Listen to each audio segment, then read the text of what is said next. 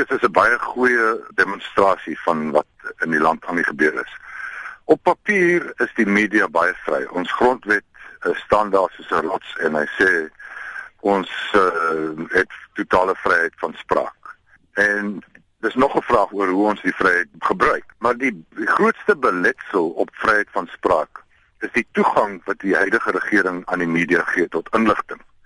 En dit is amper net so belangrik soos vryheid wat ons moet hê in terme van die, die wette en die grondwet.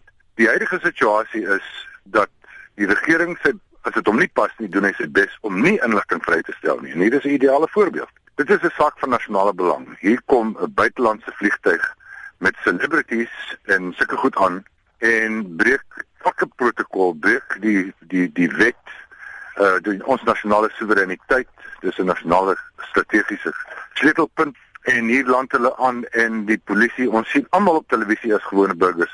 Hier is die polisie met polisiemotors, nie vals motors met vals ligte nie. Regte polisiemanne met regte polisiemotors en hulle vat hierdie mense deur. En ons sit almal terug en ons weet mos hierdie Gupta familie is persoonlike vriende van ons president. En sy kinders werk almal vir hulle en is in besigheid met hulle. En nou kom ons en hier is die die verspottigheid van die regerende party wat dan kwaad is en die kommuniste party wat kwaad is en Kusatu wat kwaad is en al die ministers wat kwaad is. En niemand wil vir ons sê maar wat het werklik waar gebeur nie. En hoe harder ons probeer, hoe meer hardloop hulle in sirkels soos 'n hond wat sy stert vervang. En in daai opsig dink ek dit is 'n goeie voorbeeld van waar ons vryheid van die media tekortskiet. Ons het nie 'n regering wat reageer, wat toegang gee tot noodsaaklike inligting vir die publiek nie. Onder die publiek van Suid-Afrika is die regering se geloofwaardigheid vandag baie naby aan nul. Ons weet mos in ons harte, ons word daar word vir ons gelieg. Ons weet mos dis nie hierdie een ou, die Mighty Bruce wat op sy eie opgetree het en skielik vir die weermag gesê het en vir die polisie gesê het wat hulle moet doen nie.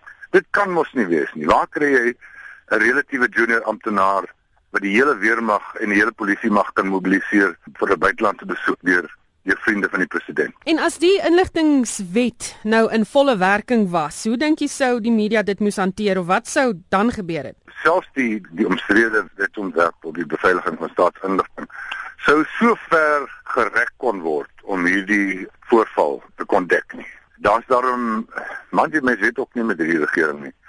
Maar om daarom te sê dat 'n besoek van vriende van die president wat trou wil bekom bywoon geklassifiseer kan word as geheime inligting, dit sal 'n bietjie ver gaan, maar jy weet ons weet nie.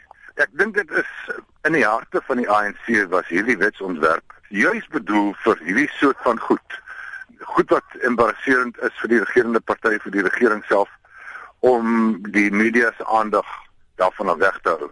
Maar in hierdie geval dink ek dit sou daarom 'n bietjie te ver gewees het om dit te rek. Jy het nou net gesê dat jy weet ons almal weet wat die verhouding is tussen uh, die Zuma familie en die Gupta familie en almal weet die agtergrond tot hierdie storie. Die feit dat mense op hoogte is van al hierdie verwikkelinge en daarom dus begin vra vra en ontevrede is met die antwoorde wat hulle kry. Weerspieël dit dan tog ook in 'n mate presies die rol wat die media moet speel. O ja, die gewone lesers en luisteraars publiek het vandag 'n mooi voorbeeld van hoe belangrik dit is om 'n vrye media te hê en 'n onafhanklike media te hê. Ons sit byvoorbeeld met the New Age koerant wat pro-regering is, pro-ANC is en deur die Gupta's besit word. As ons na hulle sou moes luister, is dit ons enigste koerant wat het ons nie geweet van hierdie skandaal nie. Maar dit is ons ander media wat gaan rondhardloop het en lughawe toe gegaan het en vrae gevra het en foto's geneem het. En nou weet ons van hierdie vergrype wat gebeur en dit is belangrik dat ons moet weet dat sulke goed aangaan want As dit is wat ons kan sien, hoeveel vergrype is daar wat ons nie kan sien nie?